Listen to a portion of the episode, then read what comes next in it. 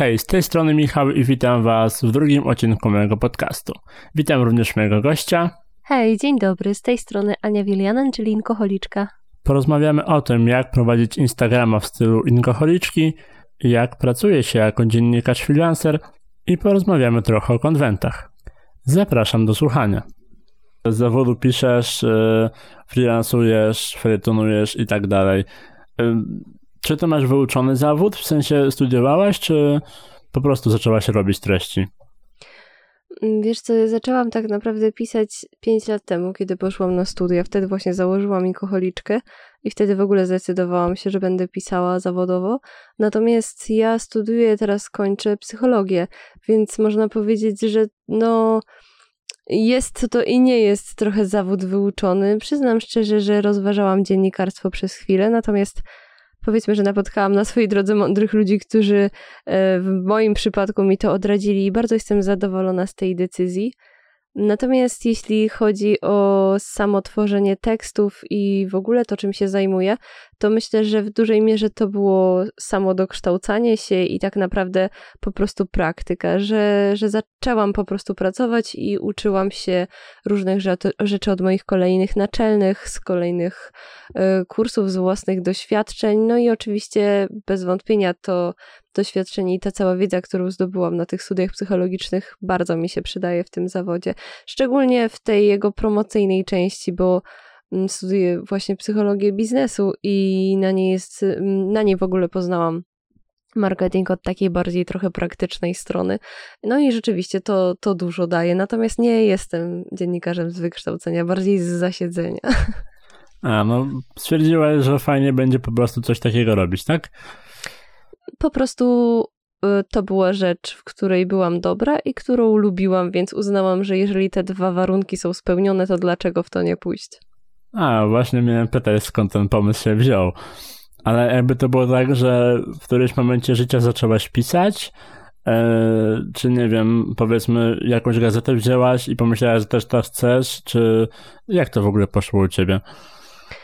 Skąd ta Wydaje iskierka? mi się, że to było bardziej od drugiej strony, to znaczy tak naprawdę ja pisałam chyba zawsze i powiedzmy, że gdzieś tam ten, ten sposób ekspresji był mi wyjątkowo bliski i taki naturalny dla mnie i po prostu na początku to było takie bardzo Mm, no, skupiało się w szkole to głównie na tym, że po prostu lubisz jeden przedmiot, a innego nie, e, więc to nie jest jakieś szczególnie wiążące. Natomiast w momencie, w którym już zaczynałam się zbliżać do, e, do liceum i do momentu właśnie wyboru matur rozszerzonych i co za tym idzie studiów, to zaczęłam jakoś tak mocniej zdawać sobie sprawę z tego, że e, rzeczywiście ta konkretna umiejętność jakoś mocniej jest u mnie zarysowana i jakoś mocniej działa na ludzi. Też, też odzew już wtedy moich tekstów był, był dosyć dobry i po prostu uznałam, że, że nigdy sobie nie podaruję, jeżeli nie, nie spróbuję w to pójść i po prostu tak to się zaczęło. A, no dość ciekawie. Ale ym, mówi, że zaczęłaś pisać, pisałeś od zawsze, ale ym, masz tutaj na myśli takie bardziej pamiętniki, dzienniki, jakby taką samą ekspresję, czy powiedzmy pisałaś o czymś, jakieś felietony, albo może opowiadania? Wiesz co, różne rzeczy. Tak naprawdę ja nawet wpisałam sobie to kiedyś, jak zaczynałam z Inko, ale nie wiem, czy to dalej jest, bo nie pamiętam, czy to zdjęłam, że piszę wszystko. I trochę tak jest, że po prostu miałam całe życie po bardzo duże szczęście do polonistek e, od samego początku mojej edukacji i na pewno to było w bardzo dużej mierze takim wyznacznikiem dla mnie przyszłości mojej, ponieważ one tak, wiesz, bardzo mocno mnie rozkochały w literaturze i pokazały mi piękno właśnie języka i tego, jak można wzbudzać w ludziach emocje za pomocą liter. Też ja w ogóle dorastałam w takim domu, w którym zawsze było bardzo dużo książek i bardzo dużo się o literaturze, wiesz, dużo się czytało, dużo się rozmawiało i gdzieś tak po prostu te słowa były dla mnie bardzo naturalnym sposobem wyrazu, więc yy, tak naprawdę nie umiem chyba wskazać ci konkretnej yy, jakiejś formy, w której się kształciłam. Myślę, że to było wszystko po trochu. Tak naprawdę, jakbym miała wskazać coś, od czego tak zaczynałam, tak już poważniej, to wydaje mi się, że to były recenzje, bo jakoś tak właśnie gdzieś w liceum wciągnęłam się w takie jedno forum i wtedy zaczęłam tak jakoś więcej pisać i najczęściej to były właśnie recenzje i felietony i gdzieś te pierwsze, to były takie moje pierwsze formy, co jest w sumie dosyć zabawne, bo felieton jest cholernie trudny i mm, to jest takie złudne bardzo poczucie, że, że felietony są proste i tak naprawdę mało jest dobrych felietonów. Tamte, nie wiem, nie byłabym chyba z nich zadowolona, gdybym teraz je czytała, ale ale od czegoś trzeba zacząć i widocznie jakoś tak to musiało pójść, żebym poznała inne formy też. No tak, bo wydaje mi się, że jak uczysz się e, sam czy sama, to im więcej będziesz robić danych treści, tym lepsze one będą. Jakby, jak to mówi Gonciarz, trzeba zrobić ten krok pierwszy i robić, robić, robić i przez to robienie dochodzi się do perfekcji i się uczy nowych rzeczy. Tak, zdecydowanie. Po prostu się doskonalisz i tyle. No tak. Właśnie zdziwiłem się, że zaczęłaś od felietonów, bo jednak z tego, mm, co mi wiadomo na studiach, to jest jedna z najtrudniejszych, albo właśnie w ogóle najtrudniejsza forma przekazu dziennikarskiego. Hmm. Jakby zastanawiam się, e, nie wiem, może pamiętasz, o czym felietonowałaś wtedy? Wiesz co, mi się czy... wydaje, tak teraz jak tak sobie myślę o tym, że w dużej mierze to mogło być, to mogło być bliżej tak naprawdę eseju niż felietonu. Wydaje Aha. mi się, że to wszystko było spowodowane głównie tym, że kiedy masz do czynienia jakby, no co piszą licealiści, gimnazjaliści, co się pisze? No głównie piszesz to, co gdzieś tam wymagają od ciebie w szkole. I mam wrażenie, że mi bardzo brakowało takiej formy, która byłaby taka, wiesz, moja i mocno bardzo to poczułam na przykład, kiedy właśnie mieliśmy zajęcia, z, zajęcia, kiedy mieliśmy lekcje z mm, właśnie, w której mieliśmy sobie spróbować, jak się pisze felieton, jak się pisze esej. Ja sobie w tym myślałam, kurde, ale mi się podoba właśnie ta swoboda, którą daje ta forma, że właśnie mogę tam w pełni zarysować taki styl, jaki ja chcę i jest to pożądane, ponieważ one mają mieć właśnie taki rys. Natomiast coś w tym jest, co mówisz, bo na przykład teraz, chociaż mam dużo większe doświadczenie niż wtedy, jest mi dużo trudniej pisać felietony. Może też stałam się po prostu bardziej krytyczna.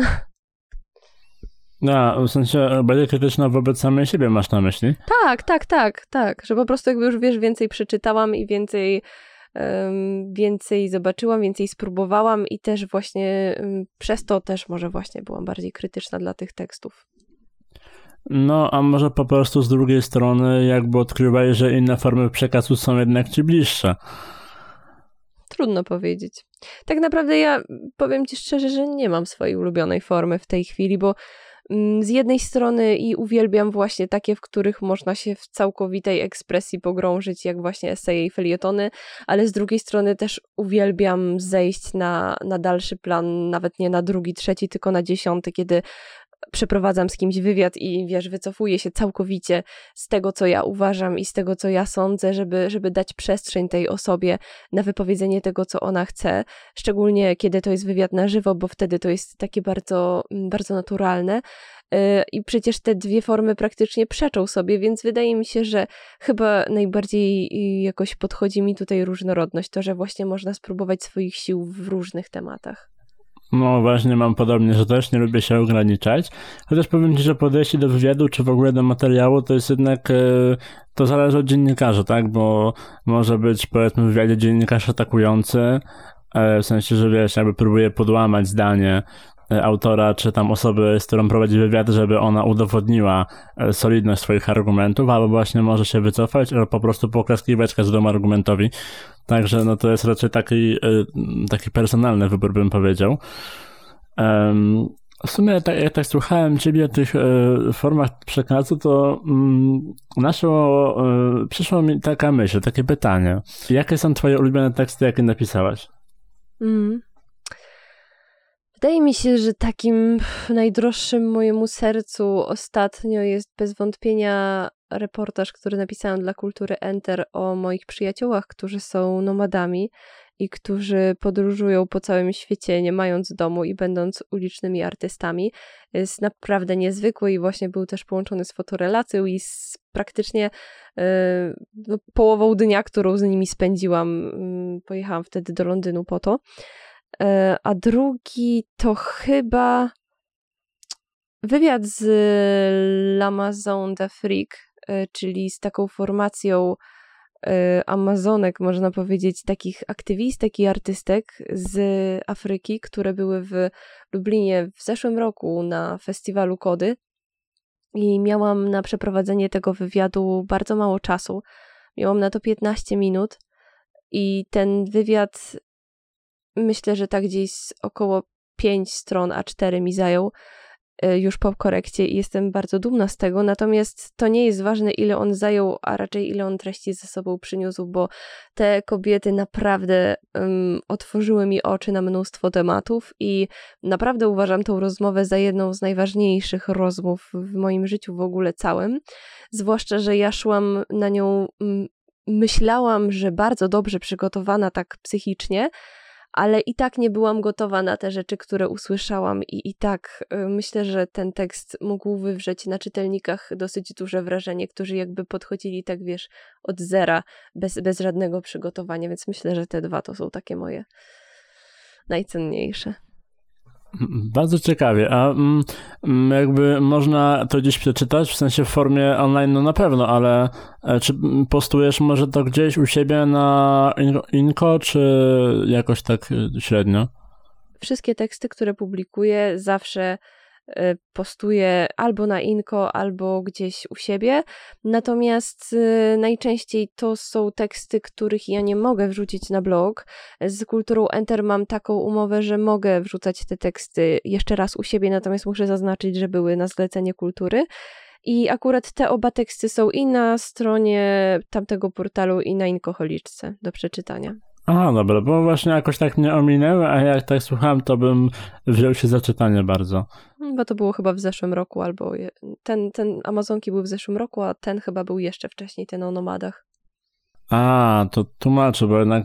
Ale to mi przypomniało, że uwielbiam reportaże. I zapomniałam o nich powiedzieć, że rzeczywiście odkryłam reportaże kilka lat temu, kiedy właśnie wzięłam udział w konkursie organizowanym przez Warsztaty Kultury właśnie na reportaż z Nocy Kultury w Lublinie. Nie wiem, czy kiedyś byłeś. To jest taka trochę, hmm, chyba najbardziej znane takie przedsięwzięcie kulturalne w Lublinie.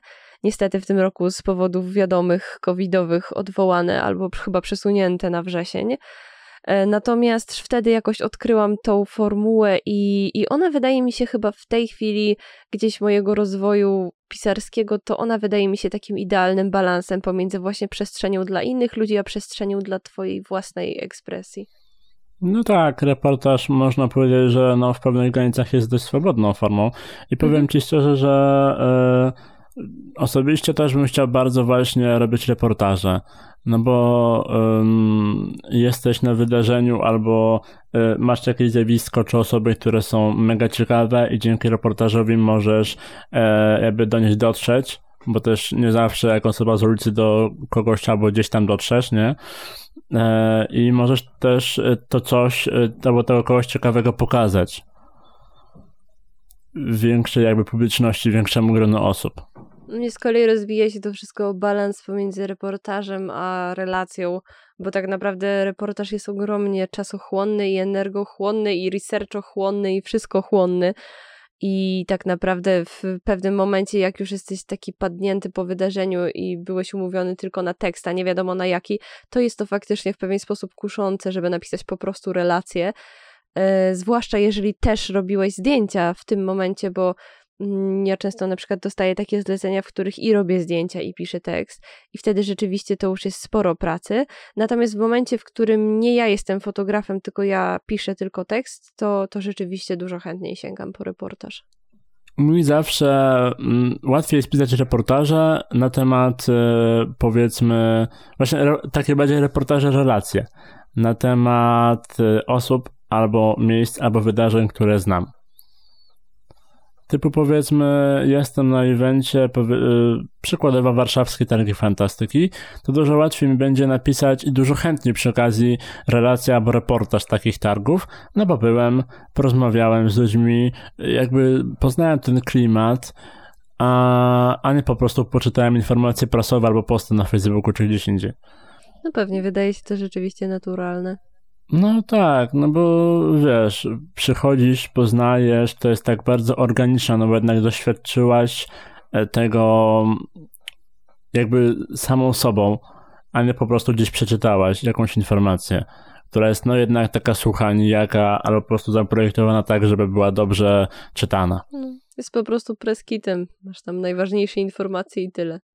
No na przykład, ale to, no, to nie jest tak naprawdę tak, nie, nie nazwałbym tego reportażem, nie? No bo jednak ciężko e, nazwać przedruk informacji skądś reportażem. Nieważne no. jak przerobionym. Nawet ciężko relacją go nazwać. A, no, no relacją tak, ale mi się, mi się wydaje, że reportażem też, no bo jednak um, jak po prostu zbierasz do kupy albo przepisujesz coś, co już jest napisane, no to mało w tym twojego wkładu własnego, nie? Co po innego to jak... są trzy różne rzeczy. No tak, no co innego jak pojedziesz, poznasz, pogadasz, a co innego jak znajdziesz gdzieś w necie albo coś. Mhm. Mm, dla mnie zawsze ważny jest y, w treściach ten taki bardziej personalny element, jak nie dziennikarza, to powiedzmy obiektu zainteresowania danego, danej formy tre przekazywania treści. Powiedz mi, e, tak zmieniając temat, przeskakując z dziennikarstwa na też coś pisanego, ale mm, w dużo większej formie, co ostatnio czytałaś? Albo Wiesz co czytasz? Co, teraz akurat jestem w takim y, momencie roz, rozgłosu, rozjazdu, roz, rozpapciania pomiędzy różnymi książkami, bo jakoś tak nie mogę złapać na orbitę żadnej. E, natomiast w tej chwili wzięłam się za e, kogoś, kto cię będzie kochał w całej twojej nędznej glorii. Boba, Boba Waxberga to jest ten gość, który napisał, chyba on był producentem w ogóle, nie tylko napisał Jacka Horsemana.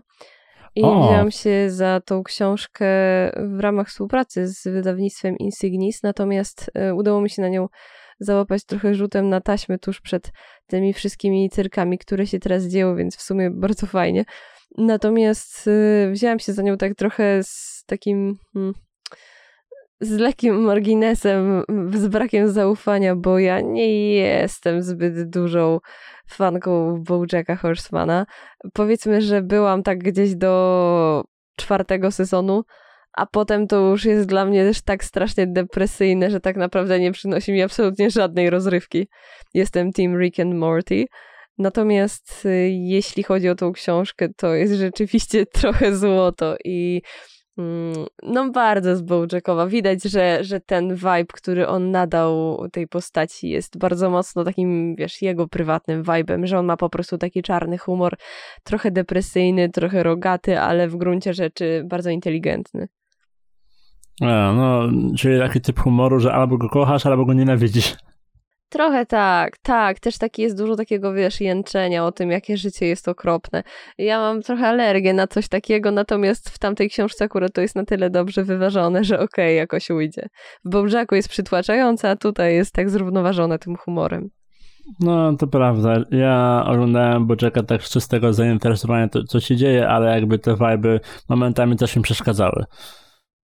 Szczególnie w tym ostatnim sezonie one są po prostu nie do zniesienia dla mnie. Dałam radę po prostu kawałeczek pierwszego odcinka i obejrzałam jeszcze ten jeden odcinek, w którym chyba Pickles była gwiazdą internetu, bo mnie bardzo zaciekawił. No, to, to jako, jakoś tak w środku to było. Tak, w tak. środku tak. w ogóle, bo ja ostatniego sezonu w ogóle nie oglądałem, a powinienem. Jak już obejrzałem całość, to przydałoby się też i resztę. Ale no cóż. Może Jak widać, można tego nie robić. Ja nie obejrzałam i żyję. Można, chociaż powiem ci, że mam straszną, y, można powiedzieć, alergię na niedokończenie. W sensie, jak coś A, zacznę, to lubię skończyć, bo tak, to mnie, tak mnie to męczy, że nawet jak zacznę coś innego, coś, co jest powiedzmy lepsze niż to, mm, co czytałem albo co oglądałem, to tak mam w głowie takie dokończ, dokończ, dokończ. I wiesz, no, jak nie dokończę, to mi to spokoju nie da. To ja nie zliczę, ile mam książek porzuconych 50 stron przed końcem. Nie, nie mam tylu palców u rąk, żeby to policzyć. Mm, powiem ci szczerze, że właśnie e, ja kiedyś tak robiłem i mam problem z tymi książkami, bo powiedzmy Silmarillion czytam, e, chcę teraz czytać po raz szósty albo ósmy. Od pięciu lat mam tę książkę i e, za każdym razem coś się dzieje, że jej doczytać nie mogę do końca. No niestety. Jak muszę. takie książki. Nie po drodze, ciągle nie po drodze. No właśnie, jak muszę zacząć po raz kolejny ten początek, który, no powiedzmy imion nie pamiętam do końca, bo są tak skomplikowane, że trzeba by mieć nie wiem, mózg jak sklep, żeby to zapamiętać, to i tak mniej więcej takie wydarzenia, rysy pamiętam i jak to czytam, tam takie ech, znowu. Nieważne jak fajne by to bo ty było. za każdym razem od początku to czytasz. No bo na tak? przykład, tak, no na przykład prze, przełożyła mi się, yy, yy, przełożyła mi się zakładka, albo wypadła, albo coś, Rozumiem. albo komuś po, pożyczyłem i wiesz, wyjął czy coś, albo wiesz, no różne się rzeczy dzieją losowe i powiedzmy za każdym razem czytam od początku. No bo też z drugiej strony lubię czytać od początku, żeby taki vibe złapać. No prawda, rzeczywiście tak na świeżo być. No tak, tak, właśnie o tym mówię, bo, bo mogę powiedzmy od środka, ale mogę, mogę nie pamiętać czegoś, co jednak jest istotne dla fabuły i przez to um, odbiór e, całego utworu będzie zaburzony w pewien sposób. Zwłaszcza jak potem masz jeszcze opisać go, to trzeba na go naprawdę dobrze pamiętać. No bo ja na przykład, ja bardzo lubię Tolkiena i można powiedzieć, że albo jestem, albo chciałem być Tolkienistą, bo mam chyba jego absolutnie wszystkie wydane książki w Polsce, łącznie z jakimś tam bestiariuszem, łącznie z Atlasem Tolkienowskim i tak dalej. Mm, znaczy, może nie wszystkie książki mm, o Tolkienie albo Tolkiena, ale jednak mam sporo tak, takich książek właśnie jego i o uniwersum. I y, powiedzmy, jak chcę Silmarillion y, cały przeczytać, no to jednak wolę zacząć od początku, no bo y, potem jak nawiązanie pójdzie w którejś książce a propos tego uniwersum, no to żebym ogarniał. Hmm, rozumiem. W ogóle poznałem cię z Instagrama, już nie pamiętam jak, pierwszy raz właśnie widziałem twoje konto i jestem bardzo, bardzo zafascynowany jakby mm, tym stylem treści, jakie wrzucasz. Jakby jak to robisz, to jest takie zajebiste. Powiedz tym, ja też chcę.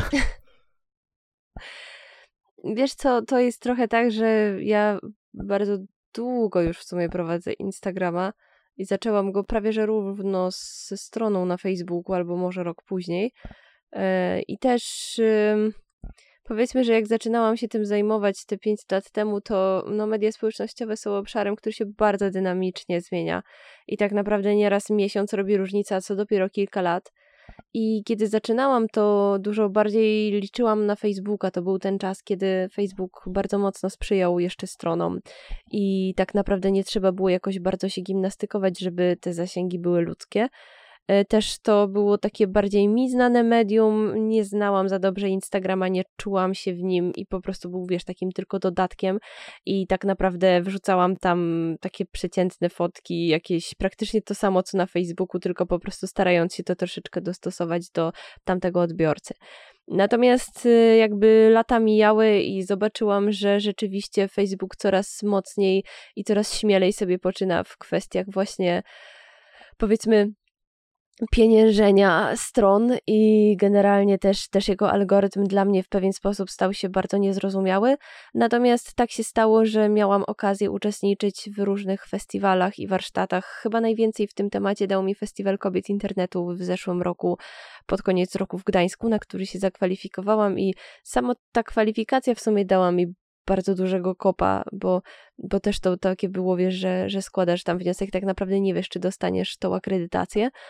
Natomiast y, rzeczywiście wtedy zdałam sobie sprawę z tego, że muszę koniecznie wypracować jakąś swoją estetykę, jeżeli chcę, żeby to konto było spójne i, i takie mm, miłe dla oka całościowo.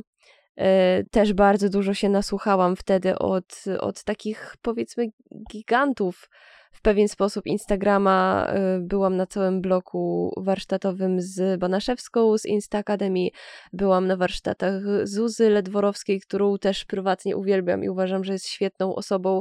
I po prostu w tamtym czasie zaczęłam się bardzo intensywnie dokształcać. E, też e, przyznam szczerze, że samo to podejście takie biznesowe do blogowania trochę zaszczepił we mnie Hunt, który, co by o nim nie mówić, ma dużo zwolenników i dużo przeciwników, ale bez wątpienia długo jest bardzo obecny w internecie i rzeczywiście blogował, jak myśmy wszyscy wjeżdżali na kapciu pod szafę, więc myślę, że po prostu korzystanie z zwyczajnie z doświadczeń innych ludzi i tym wszystkim, czym oni się dzielą, bo tak naprawdę jak, no wiesz, dla chcącego nic trudnego jest mnóstwo sposobów na dokształcenie się i na znalezienie takiej, wiesz, swojej stylistyki i ja po prostu z nich skorzystałam, więc to jest droga, myślę, otwarta dla każdego. No, spoko. Właśnie tak słuchałem cię z uwagą i przypatruję się cały czas twoim zdjęciom, bo y, tu są takie fotomanipulacje, można powiedzieć, bo y, na przykład to twoje profilowe z twarzą zgliczowaną to jednak no, fotomanipulacja, jak się patrzy. Mm, to jest bardziej Photoshop, czy jakaś apka na telefonie? Wiesz co, ja korzystam głównie z aplikacji mobilnych i też y, mnóstwo ich jest, bo ja często używam nawet nie jednej, tylko kilku naraz, y, w zależności od tego, jak agresywnie chcę y, zmienić zdjęcie. Natomiast nie, nie, nie używam Photoshopa i generalnie nawet rzadko się zdarza w sumie, że wrzucam zdjęcia zrobione nie telefonem. To jest najczęściej, to, są, to jest najczęściej w całości mobilne. Mhm. Rozumiem, właśnie widzę tak liczę i tak dalej. Właśnie niektóre fotomanipulacje tutaj, e, jak widzę, no to dłubałbym w Photoshopie dość długo. E, jak tak patrzę, jestem no, naprawdę... to trzeba śmigać bardzo dobrze w, w, w tym. Ja też przyznam szczerze, no, jak obrabiam zdjęcia jakoś tak e, powiedzmy z wydarzeń albo tak dalej, czasami e, jeśli chodzi o mobilną fotografię, to, to używam Lightrooma, a jak coś na komputerze, na przykład właśnie mam jakąś większą fotorelację do obrobienia, to najczęściej używam po prostu Darktable i tyle. A, rozumiem. Właśnie widzę sporo neonów i tak dalej, tak jestem ciekaw yy, nad obróbką tych, bo wiadomo, mamy VSCO i tak dalej w Photoshopie Lightroomie, ale jednak nie jestem takim bardzo technologicznym człowiekiem, lubię pytać o programy albo o sposoby. Jasne. Jestem cały ja, uwierz mi, jak widzę um, jakieś um, zdjęcia albo jakiś film, to ja e, zapytam e, z samej ciekawości, chyba stąd to się bierze, o kamerę, obiektyw, w czym obrobione i tak dalej. Jakby nie wiem, e, jakieś, jakieś takie zobaczenie zawodowe.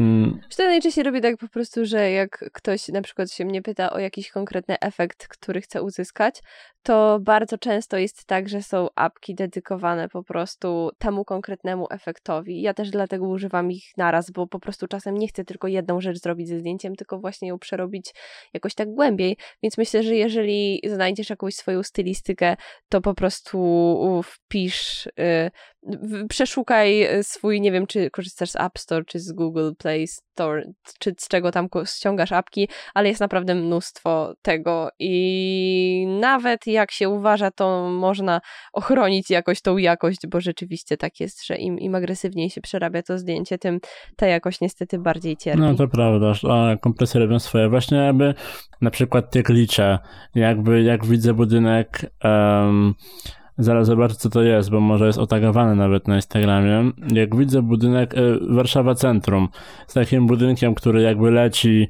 w niebo dzieląc niebo na, na, na Cholera, pół. właśnie zastanawiam się, co to był za budynek. Tak długo szukałam tej lokalizacji. Bo pamiętam, skąd wtedy szłam i nawet zastanawiałam się, że może uda mi się znaleźć, żeby lepiej oznaczyć tą lokalizację.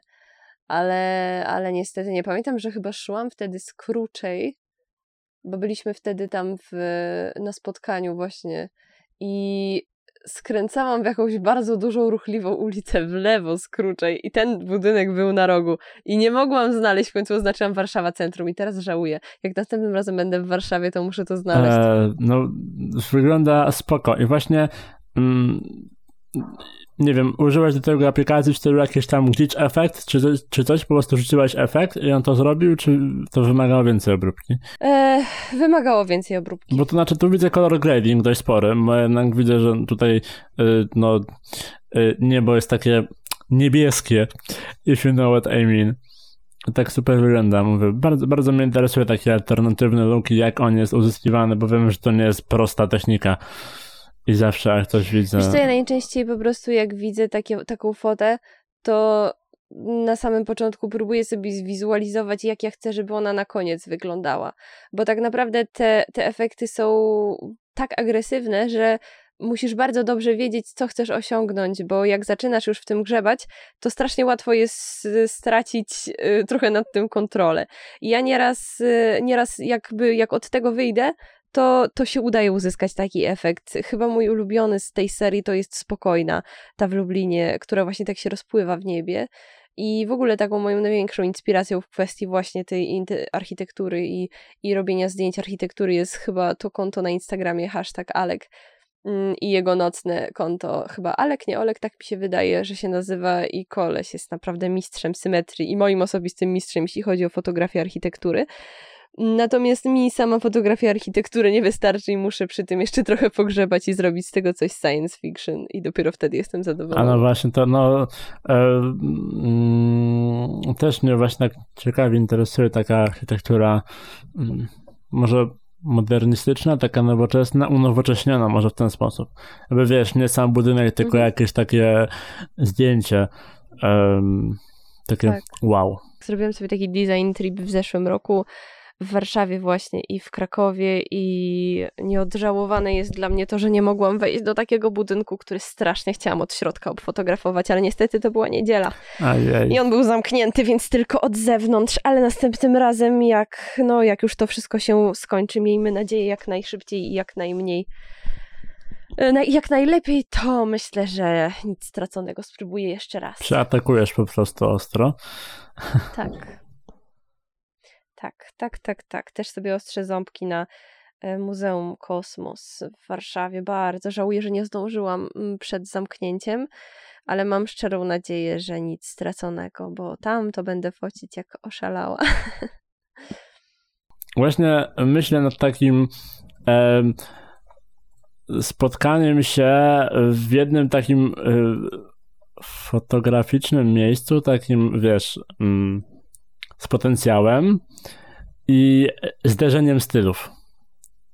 W sensie, wiesz, powiedzmy, fotografujemy to samo, ale każdy po swojemu. I, i myślę, że to naprawdę, że to mogło być bardzo ciekawe i takie inspirujące, uczące. jak właśnie podchodzimy do tego, taki, no po prostu ciekawe, jakby. Po prostu, nie, nie wiem, nie wiem tego wytłumaczyć.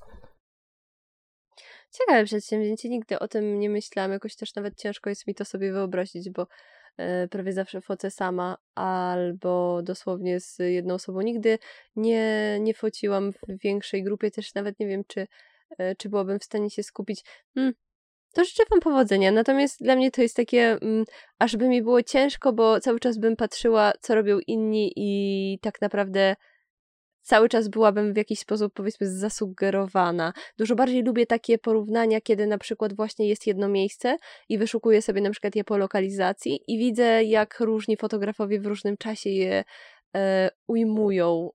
I to jest rzeczywiście w jakiś sposób wtedy dla mnie takie no, ciekawe. Znaczy wiesz, ja nie myślałem o takim, że robimy spęd, tylko właśnie powiedzmy są jedna, dwie, e, czy dwie, trzy osoby i one sobie właśnie focą tak, wiesz, swobodnie, żeby nie robić wielkiego zbiorowiska właśnie, tylko to tak... To się ze szkołą fotografii skojarzyło, oni tak chyba robią często. Y chyba tak. Ale jakby nie inspirowałem, albo nie myślałem się nad inspiracją, nie zastanawiałem się nad inspiracją, tylko właśnie nad takim bardziej zderzeniem stylów. Jakoś tak mi to może podświadomie do głowy weszło. Bo nawet powiem ci, że jak um, wychodzę z kimś na miasto tak po prostu, randomowo i cykamy zdjęcia, też randomowo, to właśnie sam tak fakt innego ujęcia jest ciekawy. No pewnie zawsze ciężko się powstrzymać od patrzenia na świat przez obiektyw, zwłaszcza jak się właśnie na co dzień gdzieś tam używa tego, tej formy wyrazu. Ludzie bardzo często się dziwią e, na przykład moim zdjęciom, bo oni albo czegoś nie widzą, albo widzą coś inaczej i przedstawiam im taką formę, taką wow. I jak patrzę na te twoje zdjęcia, to to są teoretycznie dość... Znaczy, niektóre zdjęcia powiedzmy przedstawiają, wiesz, korytarz albo jeden budynek, na który raczej większość by nie zwróciła uwagi obok niego przechodząc, ale u ciebie na zdjęciu to jest takie, o Boże, gdzie to jest? ja też chcę, nie? No i właśnie to jest najpiękniejsze w fotografii jak dla mnie. Oj, to prawda. Takie właśnie patrzenie przez cudze oczy na świat. To prawda. Mm, kolejny jakby element e, ciekawości ludzkiej, można powiedzieć. No, jak najbardziej. Właśnie, skoczyliśmy na Instagram, ale um, skąd właśnie zdjęcia? Jakby um, widzę, że na początku um, twój Instagram to był taki bardziej blog, po części z, z, z architekturą, bo y, książki, gdzie byłaś, imprezy i tak dalej, zdjęcia wejściówek, mm, z wywiadów, jakby czemu akurat Instagram? Wiesz co, tak naprawdę to nie wiesz, jak wyglądał mój Instagram kiedyś, dlatego że trzy czwarte kontentu całości, który było na moim Instagramie, zostało znaczy, no tak, widzę 6 października 2016 ostatnio. Tak, to, nie, to, nie chodzi nawet o, to nie chodzi nawet o datę, tylko po prostu ja miałam, myślę, że jak zaczęłam archiwizować, to mogłam tak już mieć pod tysiąc postów. E, no na pewno z 700-800 to na, na bank. E, I one były wszystkie po prostu właśnie dokładnie takie, jak mówiłam, takie wiesz, bardzo facebookowe, takie trochę po omacku. E, wtedy też był taki moment przejściowy, kiedy właśnie myślałam o tym dzemie, przez chwilę to były inne kolory, przez chwilę inne, przez chwilę to były kolory ziemi, coś tam, coś tam. I jakby w pewnym momencie już jak znalazłam ten kurs i znalazłam te swoje barwy, to po prostu yy, pod, no dostosowałam wszystkie je do, do tego jednego tematu, więc tak naprawdę w tej chwili powiedzmy, że E, zbiegło się to w czasie z moim wybuchem nagłym miłości do właśnie nowoczesnej architektury. E, i też e, jak już wybrałam kolorystykę, to tak naprawdę w tej chwili tematyka się nie zmieniła, ale zmienił się sposób wykonania, czyli powiedzmy teraz też mogłabym wrzucić zdjęcie wejściówki i ono by miało sens, natomiast tym razem pewnie bym je jakoś mocniej zgliczowała. A, no spoko, rozumiem. ale jeśli chodzi o tematykę, to, to myślę, że myślę, że jest nadal dosyć podobna. Taka, no po prostu geek lifestyle'owa w różnych wydaniach. A, znaczy, wiesz, właśnie myślałem o tym bardziej um, zadawałem to pytanie, e, skąd taka pasja właśnie tej fotografii się u ciebie wzięła, bo jednak tutaj piszesz i tak dalej, co to się jakoś też naturalnie wyszło z otoczenia, powiedzmy, tak jak z tym pisaniem, czy jakoś tak wpadłaś, że powiedzmy no, piszę bloga, więc przydałoby się to opatrzyć zdjęciami, albo piszę artykuł, więc zacznę robić zdjęcia i nagle zdjęcia załapały? Myślę, że ja od samego początku wiedziałam, że jeżeli chcę pisać, to nie mogę nie używać grafik. Nie wiem skąd wzięła się we mnie ta świadomość, może po prostu byłam tym rodzajem czytelnika, który bardzo się męczy, kiedy nie ma żadnych grafik dołączonych do, do tekstu. I kiedy zaczynałam na blogu, to tak naprawdę zawsze, kiedy nawet to była zwykła recenzja, to dodawałam zdjęcia tej książki i też starałam się je robić w taki bardzo charakterystyczny sposób. Kiedyś robiłam bardzo dużo zdjęć właśnie książkom takich produktowych. Natomiast później, kiedy zaczęłam pracować jako dziennikarz, to nieraz miałam taką sytuację, że musiałam e, po prostu porobić trochę zdjęć i, i jakoś tak zaczęłam w tą powiedzmy street fotografię poszłam, bo to często były zdjęcia z różnych festiwali, z koncertów, z jakichś większych wydarzeń, właśnie na przykład konwentów i nieraz e, po prostu widziałam, że muszę trochę się dokształcić, jeżeli chcę, żeby te zdjęcia wyglądały tak przynajmniej na takim przeciętnym portalowym poziomie. E, I trochę później, kiedy już e, powiedzmy ta dziennikarska sfera troszkę mi odpuściła i najczęściej było tak, że właśnie dostawałam zlecenie tylko na tekst albo tylko na zdjęcia i wtedy mogłam się skupić na jednej rzeczy, to wtedy po prostu zobaczyłam, że rzeczywiście jest w tym bardzo dużo sposobów wyrazu i można to rozmaicie edytować i myślę, że tak trochę pośrednio przez to odkryłam fotografię. O. I to jest bardzo dobry moment, żeby zakończyć. E, już wiemy, kim możemy się inspirować, czyli naszym dzisiejszym gościem. Because why not? Polecam bardzo. Ja się będę tobą inspirował, szczerze powiedziawszy, w takiej fotografii street bardziej i w glitchach, wiadomo, może coś powrzucam. Będziesz na pewno wiedziała, że to jest tobą inspirowane. Nie umieszkam cię tym powiedzieć. Um, a tymczasem dzięki bardzo e, za uwagę i dzięki za rozmowę. Bardzo dziękuję również za zaproszenie. Nie ma sprawy. Może kiedyś się usłyszymy. Wiadomo. Może, może. Może nawet się zobaczymy na konwencie, bo y, jak już się wszystko to odblokuje, to tak naprawdę myślę, że naraz wszyscy się rzucą po prostu wszędzie jeździć, żeby odrobić ten stracony czas. Nie omieszkam cię w tym... Tak, coś chcący do takiego. Nie omieszkałem cię wtedy złapać, na pewno. Dobrze, to jest... Będzie wielka impreza. Wszyscy będą śpiewać Toss a coin to your witcher. O tak. Dokładnie tak. Na żywo. Tak musi być, to musi się stać. Rozmarzyłem się. No, No, nie dziwię się. no tak, w końcu tak, taka, taka cudowna pieśń dla, na, na taką okazję. Tak, właśnie. Jak hymn. Dobrze, to jeszcze raz dziękuję i papa. Dzięki. Trzymaj się.